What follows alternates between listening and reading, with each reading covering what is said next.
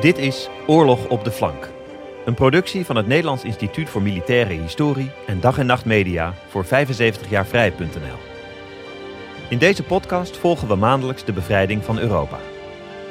Aflevering 8, januari 1945. All quiet on the Holland Front.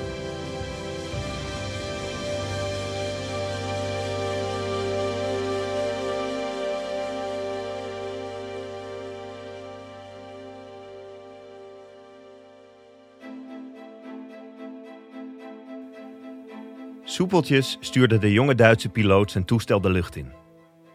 Onderofficier Erich Haider was een zogenoemde loodse, een gids in de lucht. Zijn taak? Met lichtfakkels doelen aanwijzen. Ook vandaag, op 1 januari 1945, moest er gewoon gewerkt worden. Onder Haider schoof het winterlandschap van Oost-Nederland steeds sneller voorbij. Sonor brommend deden de twee motoren van zijn Junkers 88 hun werk. Maar nog voor Haider de IJssel in zicht kreeg, bekroop hem een onheimisch gevoel. Een gevoel van naderend onheil. Seconden later spatten overal om hem heen granaten uit elkaar in gitzwarte wolkjes. Luchtafweer. Een toestel verderop werd geraakt. En nog een. En een derde. Als vuurballen rolden ze over de witte aarde. Verdampt, voeterde Haider. Maar plotseling realiseerde hij zich. Dit is onze vlak. Onze luchtafweer. Wat een zootje. Hij vervloekte de stafofficier die dit fiasco van een operatieplan had bedacht. Het onheil dat hij aan had voelen komen, bleek nog veel groter te zijn dan hij dacht. 1 januari 1945 zou een catastrofale dag worden voor de ooit zo trotse Luftwaffe. Het nieuwe jaar was aangebroken. Het was acht maanden na D-Day, de invasie van Normandië. Zuid-Nederland was grotendeels bevrijd, maar Nederland boven de grote rivieren zuchtte nog onder het Duitse juk. Maar de geallieerde ogen waren gericht op de Ardennen, waar het Duitse Ardennenoffensief werd teruggedrongen. En dat ging niet zonder succes. Wat de Duitse generaals al vreesden, werd waarheid. Door te veel verschillende tegenwerkende factoren werd het Ardennenoffensief niet wat ze ervan gehoopt hadden. Ze waren niet eens in de buurt van de Maas gekomen. Laat staan dat Antwerpen, het einddoel, was bereikt. Hun wonder was uitgebleven. Ze moesten wat anders verzinnen. En dus, op de eerste dag van het nieuwe jaar, schraapte de Luftwaffe aan het Westfront zijn laatste paar honderd gevechtsvliegtuigen bij elkaar. Voor een verrassingsaanval op geallieerde vliegvelden in Nederland, België en Noord-Frankrijk. Operatie Bodenplatte. En inderdaad, in eerste instantie was de verrassing groot. Een Britse officier bekende achteraf: Ik had die dag eerder roze olifanten in de lucht verwacht dan Duitse vliegtuigen. It is now possible to tell one of the greatest air stories of the war. The story of New Year's Day, 1945. On Allied airfields in Holland and Belgium, preparations are beginning for another day of air support to our armies in the field. In the light of dawn, the routine of checking over machines and armament is underway.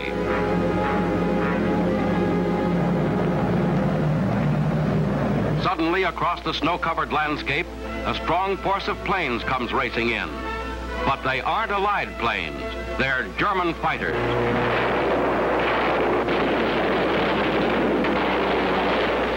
Anti-aircraft gunners and the RAF regiment dash into action.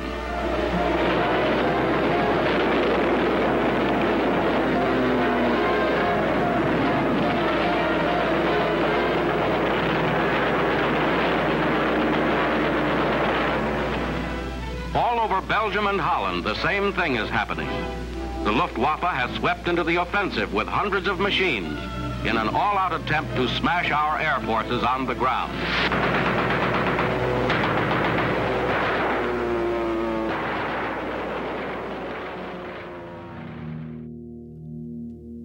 Aan geallieerde kant was een bijnaam voor operatie Bodenplatte al snel bedacht. De Hangover Raid. Een aanval die aanvoelde als een kater. Deels letterlijk na een in alcohol gedrenkte oudejaarsavond vol allerbeste wensen. Toen een Britse vlieger geschrokken het hoofdkwartier belde met het bericht dat Duitse vliegtuigen massaal zijn basis onder vuur namen, was het laconieke antwoord: Vandaag is het 1 januari, old boy, niet 1 april. Een seconde later galmde door de hoorn. Mijn god, de Duitse klootzakken, daar zijn ze! En de verbinding viel stil. De Luftwaffe vernietigde meer dan 300 geallieerde vliegtuigen die dag. Daarbij zat een bijzonder koninklijk slachtoffer op het vliegveld van Everen bij Brussel. Een hemelsblauwe Beechcraft, de persoonlijke luchttaxi van prins Bernhard. Maar uiteindelijk deelde Bodenplatte het lot van alle grote Duitse operaties in de eindfase van de oorlog. Het was te weinig en te laat.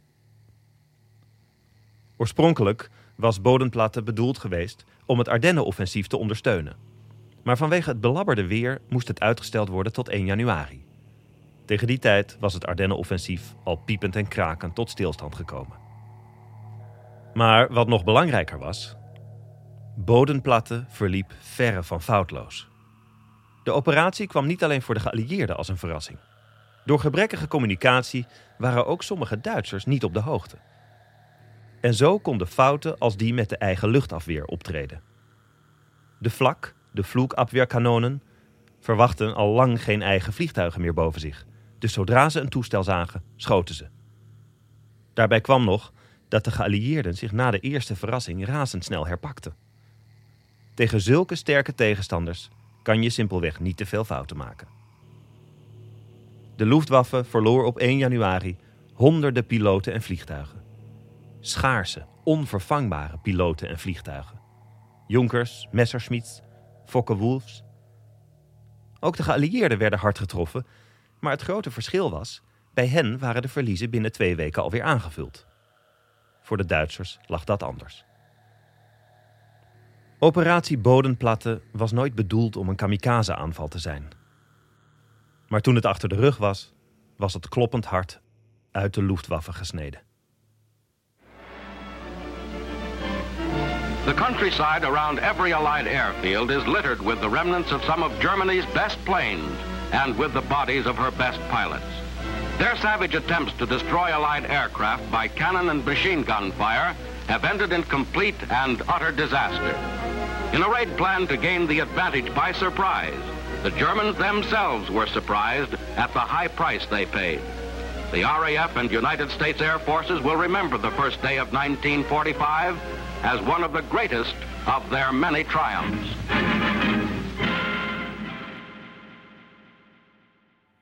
Ook meer naar het zuiden gingen de Duitsers in de aanval. Unternehmen Noordwind startte op Oudejaarsdag.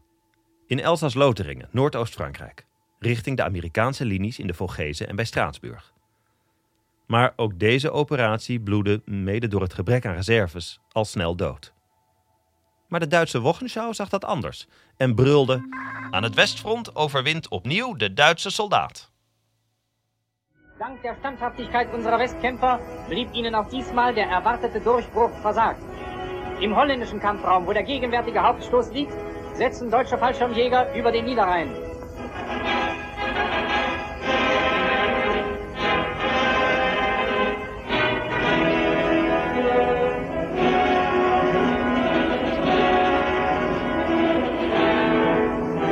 Unter heftigen Tieffliegerangriffen bezieht die Truppe neue Stellungen.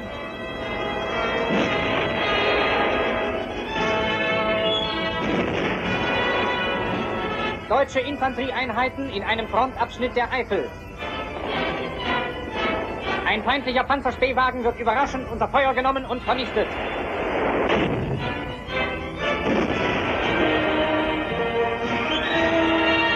Zahlreiche abgeschossene englische und amerikanische Panzer zeugen immer wieder von der Härte der Kämpfe. Jedes Dorf in diesem Kampfraum ist ein Stützpunkt, der die Angreifer schwerste blutige Verluste kostet. Unsere Grenadiere verteidigen auch hier jeden Meter Boden gegen eine hohe zahlenmäßige und materielle Überlegenheit des Feindes bis zum Äußersten. Eine schwer umkämpfte Ortschaft im Hagenauer Forst. Deutsche Bevölkerung folgt unmittelbar ihren Soldaten.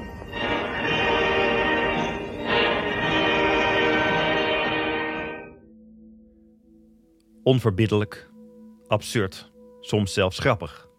Dat mengsel is de oorlog aan het front. Op oudejaarsnacht kroop een Duitse korporaal in zijn schuttersputje. In de frontlinie, niet ver van Trier aan de Moezel. Weer een doorwaakte nacht, zuchtte de korporaal. Op één ding had hij niet gerekend: het vrolijke spektakel dat zich die jaarwisseling voor zijn ogen zou ontvouwen. Vlak voor middernacht stopte het schieten. De klok sloeg twaalf. Aan de overkant staken de Amerikanen hun vuurwerk af. Nou ja, vuurwerk, hun lichtgranaten dus. Plotseling kwamen ze tevoorschijn. De Amerikanen renden als gekken heen en weer, schoten hun geweren en pistolen leeg. Ik kan ze tot de dag van vandaag zo voor de geest halen, dansend en huppelend tegen de verlichte achtergrond van verse sneeuw. Het duurde niet lang of wij deden met ze mee. Vijf minuten, hooguit zes, toen kropen we weer in onze holen. Een van mijn meest ontroerende ervaringen als soldaat. Voor één kort moment kreeg onze menselijkheid de overhand. Uitzonderlijk? Zeker. Vervreemdend? Absoluut. Maar al snel liet de realiteit van de oorlog zich niet meer ontkennen. Het Ardennenoffensief, operatie Bodemplatte, operatie Noordwind. Het waren bovenal Duitse wanhoopsdaden, in de illusie dat het Westfront zou keren. Op 6 januari 1945 hield de Amerikaanse president Franklin D. Roosevelt een van zijn fameuze radiopraatjes bij de haard. Ja, erkende Roosevelt. We hebben klappen moeten incasseren. Maar niet voor lang. Want de tegenaanval was al in volle gang. We have seen a year marked on the whole by substantial progress toward victory, even though the year ended with a setback for our arms, when the Germans launched a ferocious counterattack into Luxembourg and Belgium with the obvious objectives of cutting our line in the center. Our men have fought with indescribable and unforgettable gallantry under most difficult conditions. The high tide of this German attack was reached two days after Christmas. Since then, we have reassumed the offensive. We have rescued the isolated garrison at Bastogne and forced a German withdrawal along most of the line of the salient. Roosevelt had gelijk. Stap voor stap, onstuitbaar, veegden de geallieerde troepen de Duitse gebiedswinst weer van de kaart. Al snel met een haast dagelijkse regelmaat. Steeds deden Amerikaanse soldaten hun best om de Duitsers nog voor het donker uit het volgende dorpje te verdrijven. Dan konden ze tenminste in de kelders overnachten. Uit de wind, iets minder koud. De kleine luxe van de oorlog aan het front. Adolf Hitler had met het Ardennenoffensief zijn laatste reserves in het westen verbruikt. En in ruil voor wat? Voor zes weken tijdwinst in de opmaat naar een onvermijdelijke nederlaag. Treffend vatte een SS-soldaat de hele episode samen. We hadden zulk mooi materieel. Prachtige wapens. Maar wat heb je aan een fonkelnieuwe tank zonder brandstof? Aan een machinegeweer zonder munitie? Maar ook dit zag de Duitse propaganda toch weer net even anders. Overal in het Westen was de Weermacht in opmars. Fake news, zouden we tegenwoordig zeggen. Im Westen hält die deutsche Front den fortgesetzten angloamerikanischen Angriffen stand. Die Initiative im Westen liegt in deutscher Hand und niemand im Feindlager spricht mehr wie im Dezember von dem bevorstehenden Angriff auf die Pfalz und das Ruhrgebiet. Das Überschreiten dieser Stelle war von den Engländern strengstens untersagt, nicht aber den deutschen Soldaten. Dorf um Dorf fiel im Süden der Westfront wieder in unsere Hände. Gefangene Briten. Auf den Straßen, die nach Westen führen, marschieren Panzer, Nachschub und unsere Grenadiere.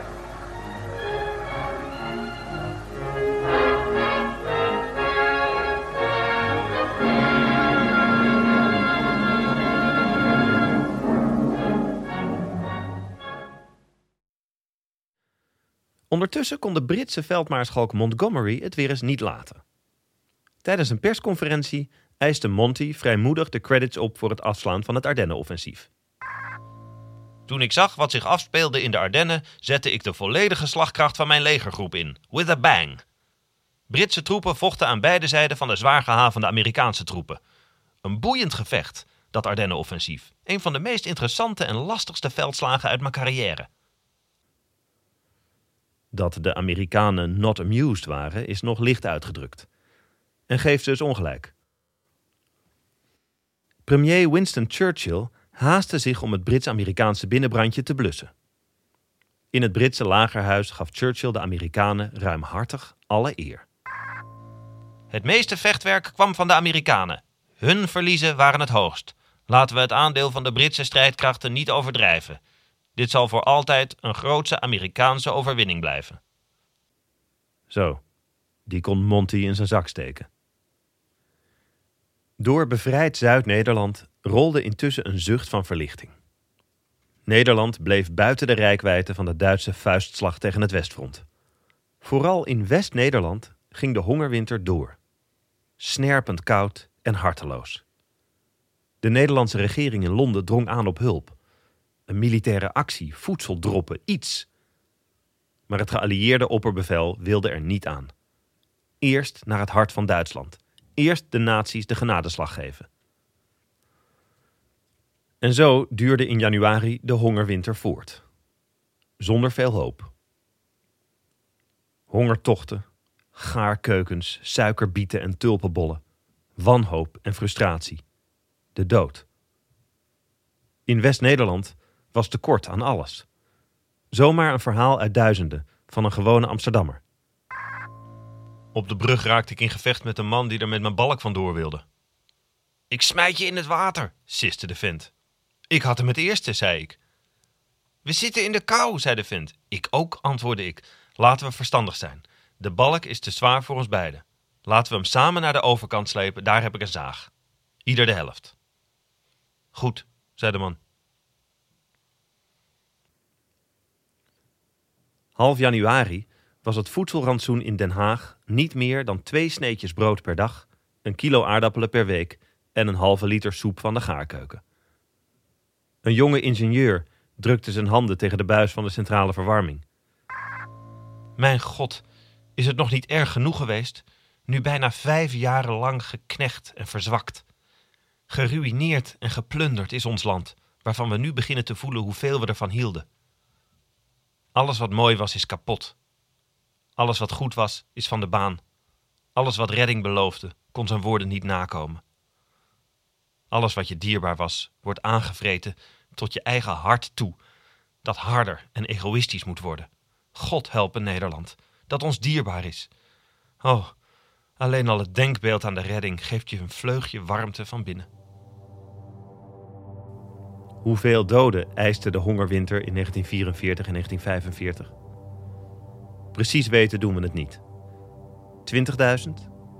25.000? Het zijn de meest gangbare schattingen. En vanuit het hongerende West-Nederland was het rivierenfront die winter haast zichtbaar, tastbaar. Dat lag nog altijd onbewegelijk te wachten op geallieerde belangstelling. Nat en koud, monotoon, met nu en dan een patrouille. Tijd voor onderhoud en bevoorrading, business as usual. Om de kanonnen uit te proberen schoten Canadese tankbemanningen elke ochtend een riedeltje granaten af. Over het water, richting de Duitsers. Gewoon omdat het kon. All quiet on the Holland front, meldde het Canadese bioscoopjournaal.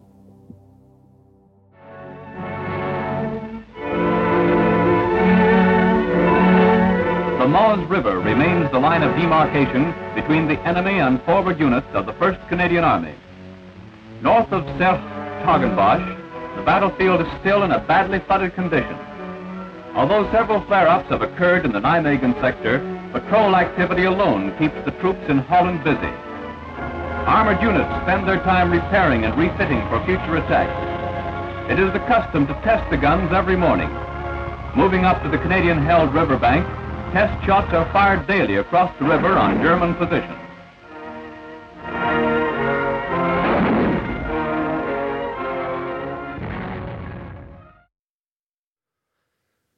Tijd genoeg ook voor soldatenhumor.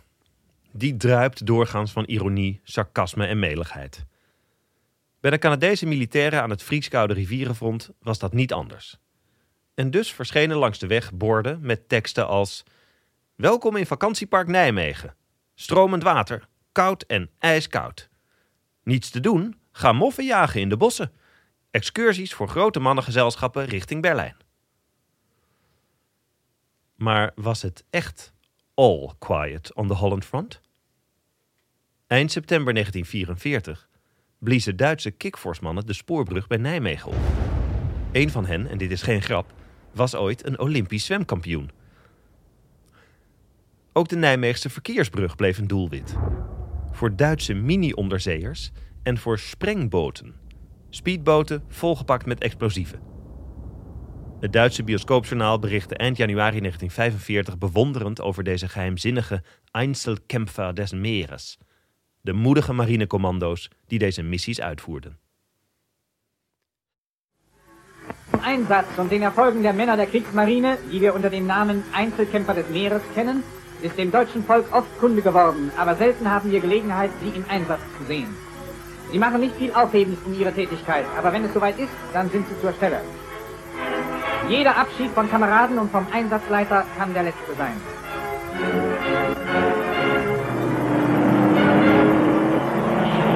Der Auftrag ist klar, das Ziel erkannt. Es geht um eine Brücke im holländischen Kampfraum.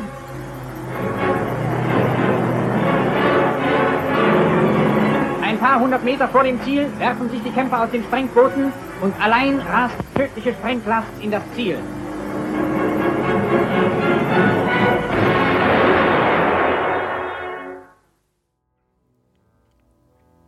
Maar ook al waren ze spectaculair, veel succes hadden deze commandoacties niet. In het grotere geheel waren het niet meer dan speldenprikken. En zo bleef het toch betrekkelijk rustig aan het winterse rivierenfront. Een waakzame rust. Maar volledig verslappen mocht de aandacht niet. In een winderige uithoek, bij Kapelse Veer, bij het oude pontje over de Bergse Maas, hadden een paar honderd Duitsers zich verschanst op de Zuidoever. Sinds begin november al. Een modderige poldervlakte. Dijken en sloten, nauwelijks een boom te bekennen. Een aanblik uit de Eerste Wereldoorlog, maar dan langs de Bergse Maas. Zonder het Ardennenoffensief zouden de Duitsers bij Kapelse waarschijnlijk nauwelijks zijn opgemerkt. Een vervelend puistje dat in geallieerd gebied stak. Schijnbaar onschuldig. Of toch niet? Zouden de Duitsers misschien toch proberen vanuit Kapelse naar het zuiden aan te vallen, om het Ardennenoffensief te ondersteunen? Zo dwaas was dat idee nou ook weer niet. Dus werd besloten het Duitse gebiedje bij Kapelse op te ruimen. De eerste Poolse panzerdivisie zou de klus opknappen. De Polen bewaakten immers dit deel van het front. Twee nachtelijke aanvallen, eind december en begin januari, smoorden echter in de taaie Duitse verdediging. Daaronder ook Fallschirmjäger, geharde Duitse elitetroepen. Bijna 50 Polen sneuvelden.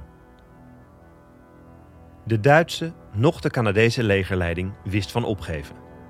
Kapelse veer werd steeds meer een prestigekwestie. En prestige is een slechte raadgever aan elk front. Britse en Noorse Royal Marine Commando's, de Canadese 4e Panzerdivisie, allemaal beten ze in januari hun tanden stuk. De Britse kapitein Jerry Brent vertelde: We rukten op langs de dijk in het pikkendonker. Om ons heen stilte. Een vreedzaam winterlandschap. Een eigen wereldje tussen de rivier en het vasteland. Niets wees op het inferno dat ging komen. Plotseling zwegen onze kanonnen. Nu was het onze beurt. We zouden de Duitse posities binnenwandelen en hun overgave accepteren, tenminste. Zo zou het gaan, was ons vooraf verteld. Niet dus. Op de open dijk vochten 70 mariniers onder leiding van kapitein Brent urenlang voor hun leven. Op een gegeven moment telde Brent de kop. We waren nog met z'n vieren. Ik, twee mariniers en een korporaal. Vier man, meer niet. Meer was er niet over van onze totale aanvalsmacht. Opnieuw bleek de harde werkelijkheid de vijand van het optimisme. De Duitse posities binnenwandelen, dat ging dus niet zomaar. De Canadezen moesten inventiever zijn. Met kano's probeerden ze de Duitsers in de rug aan te vallen. Kano's. An Ontario infantry unit prepares for an assault on the ferry landing island of Capel Sever. Used by the enemy for frequent attacks on the 1st Canadian Army, it presents a serious threat to operations.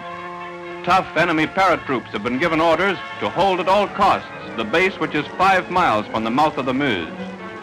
During the month, two attacks have been repulsed by the enemy. The third and final assault gets underway. Even the North American canoe becomes an instrument of war in Canadian hands. Canoe commandos form one arm of the double-pronged drive on the island. With their small arms in the bottom of the canoes, clad in snowsuits for camouflage purposes, they close in on their objective.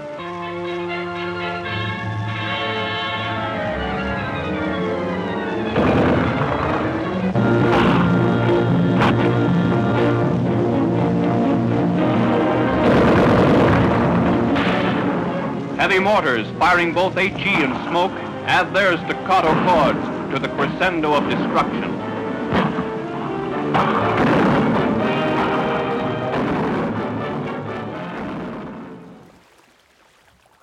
Maar ook met de kano's liep het niet goed af. Het betreffende Canadese regiment rapporteerde achteraf...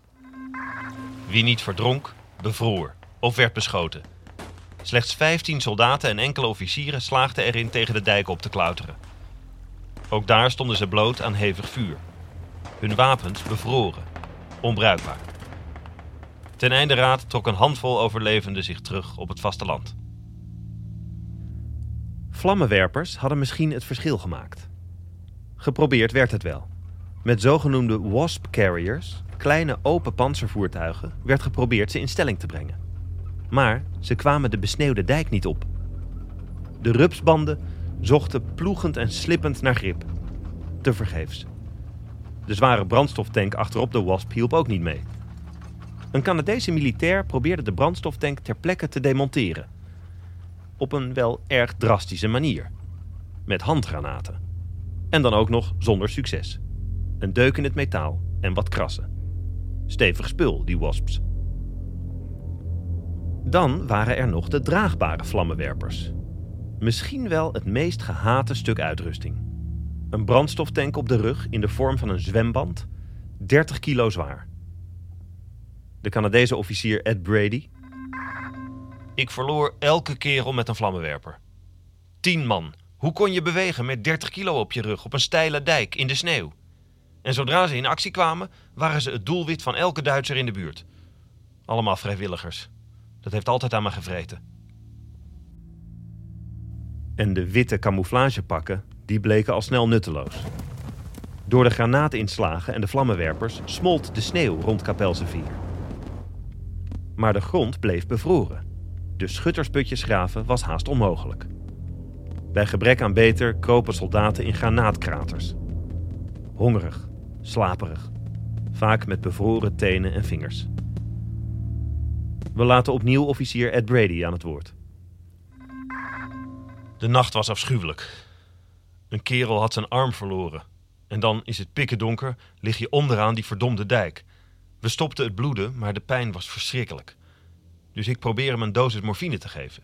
In principe hartstikke simpel: de holle naald in zijn borst steken en de tube morfine leegpersen.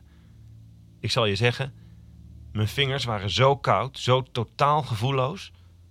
Ik heb geen idee of die naald ooit in zijn lijf terecht is gekomen. Maar hij heeft het wel overleefd. Het slotstuk was haast een anticlimax. Na dagenlange bittere gevechten trokken de Duitsers zich geordend terug op de Noordhoever. Het was de vroege ochtend van 31 januari 1945. Kapelse Veer was eindelijk in Canadese handen. After five days of vicious fighting, the Germans are driven from their last bridgehead south of the Meuse River. Capel Sever falls to Canadian arms. De prijs was hoog. Honderden slachtoffers aan geallieerde zijde. Voor wat uiteindelijk toch vooral een prestigeslag was geweest. Een Canadees rapport schetste een haast poëtisch beeld van de afloop. De natuur had het laatste woord. Terwijl onze mannen het puin ruimden en de doden terugbrachten, was het gedaan met de intense kou. De zon brak door de wolken. Een behagelijk warme deken bedekte het slagveld. Terwijl de zonnestralen korte metten maakten met de sneeuw, ontdooide ook de aarde, die al zo grondig was omgeploegd door de artillerie. En de hele omgeving veranderde in een wijdse zee van modder. En zo, met het misschien wel overbodige gevecht bij Kapelse Veer, naderen we het einde van januari 1945 en van deze aflevering. Hoewel, misschien toch nog niet helemaal. In Limburg namen de Britten namelijk alvast een voorschot op wat komen ging. De hernieuwde opmars naar het oosten, naar Duitsland. Om een betere springplank voor de komende aanval te creëren, moest het front tussen Roermond en Sittard enkele tientallen kilometers opschuiven. Van de Maas naar de Roer. Deze operatie Black Cock nam de tweede helft van januari in beslag. Voor zover oorlog voeren ooit routine kan zijn, waren dit soort gevechten voor beide partijen intussen dagelijkse kost. In de aanval gaan, verdedigen, vertragen, terugtrekken. Een opeenvolging van stiltes voor de storm, waakzaamheid, verwarring, doodsangst en moed. Soms niet te bevatten moed. Neem bijvoorbeeld de schot Dennis Donini, 19 jaar. Een fuselier in de 52e Lowland Division. Hij vocht in Stijn, even boven Sittard. Een Duitse kogel raakte zijn hoofd, maar niet fataal. Weer bij bewustzijn stormde Donini naar het dichtstbijzijnde huis. Een handgranaat vloog naar binnen. De Duitsers sloegen op de vlucht, hevig schietend, en zochten dekking in een schuur. Ook daar joeg Donini ze naar buiten. De jonge soldaat bracht een gewonde kameraad in veiligheid en greep toen, nog hevig bloedend, een Bren machinegeweer. Een tweede kogel trof hem. Donini wist echter nog altijd van geen ophouden. Zou het geluk hem dan niet één keer in de steek laten? Toch wel. Een gelukkig Duits schot raakte de handgranaat aan Donini's koppelriem. De explosie werd hem fataal. Voor zijn moedige daden zou de jonge fuselier postuum het Victoria Cross krijgen, de hoogste Britse dapperheidsonderscheiding. Terwijl de Britten oprukten richting de Roer, zagen ze overal Duitse graffiti op muren en deuren. Denke aan deine Heimat en Wir capitulieren nie. Zichtbaar bewijs dat de strijd Duits grondgebied had bereikt. Ook in januari 1945 waren er opnieuw burgers die niet konden ontsnappen aan de wurggreep van het oorlogsgeweld. In Montfort bijvoorbeeld. Een kalm kerkdorp, halverwege Sittard en Roermond. Pak een beet 1500 inwoners. Maar toen de lucht in de loop van 22 januari opklaarde, bestookten 24 Typhoon jachtbommenwerpers de Duitsers in Montfort. Een dodelijke wervelwind van bommen en raketten. De twee voorafgaande dagen was Montfort ook al niet gespaard gebleven. Maar nu was de luchtaanval helemaal rampzalig. Vrijwel alle doelen lagen in de bewoonde kern. Huizen stortten in, onder het puin de doden en de gewonden. Wie wilde helpen moest een regen van gloeiende granaatscherven trotseren. En zo belichaamde Montfort de willekeur van de oorlog. Het ene dorpje vrij en ongeschonden. Het dorpje iets verderop vrij, maar bloedend, gehavend, treurend. Zo ging januari 1945 over in februari 1945. Al twee maanden lang maakten de geallieerde troepen zich op voor de hernieuwde opmars naar het hart van Duitsland. Als een steeds strakker gespannen katapult. Gretig, verwachtingsvol. Home by Christmas? Nee, dat was het niet geworden. Home by Summer dan maar? Of misschien met wat geluk, al thuis in het voorjaar. Bracht de maand februari de westelijke geallieerden definitief over de Duitse grens? Mocht veldmaarschalk Montgomery eindelijk naar Berlijn? En wat waren dan zijn plannen met hongerend Nederland boven de rivieren? Luister voor de antwoorden naar de volgende aflevering van Oorlog op de Flank. Oorlog op de Flank is een podcast van het Nederlands Instituut voor Militaire Historie, geproduceerd door Dag en Nacht Media. De podcast is onderdeel van de multimediale Ode aan de Vrijheid. Kijk daarvoor ook op 75jaarvrij.nl en is mogelijk gemaakt door het DOSCO Ontwikkelfonds. Dank ook aan het Nederlands Instituut voor Beeld en Geluid. Research Marco Middelwijk. Projectleider NIMH Lianne van den Doel. Tekstschrijver Christ Klep. Productie en editing Anne Janssens van Dag en Nacht Media. Audiovormgeving Studio Cloak. Mijn naam is David Lucier. Tot volgende maand.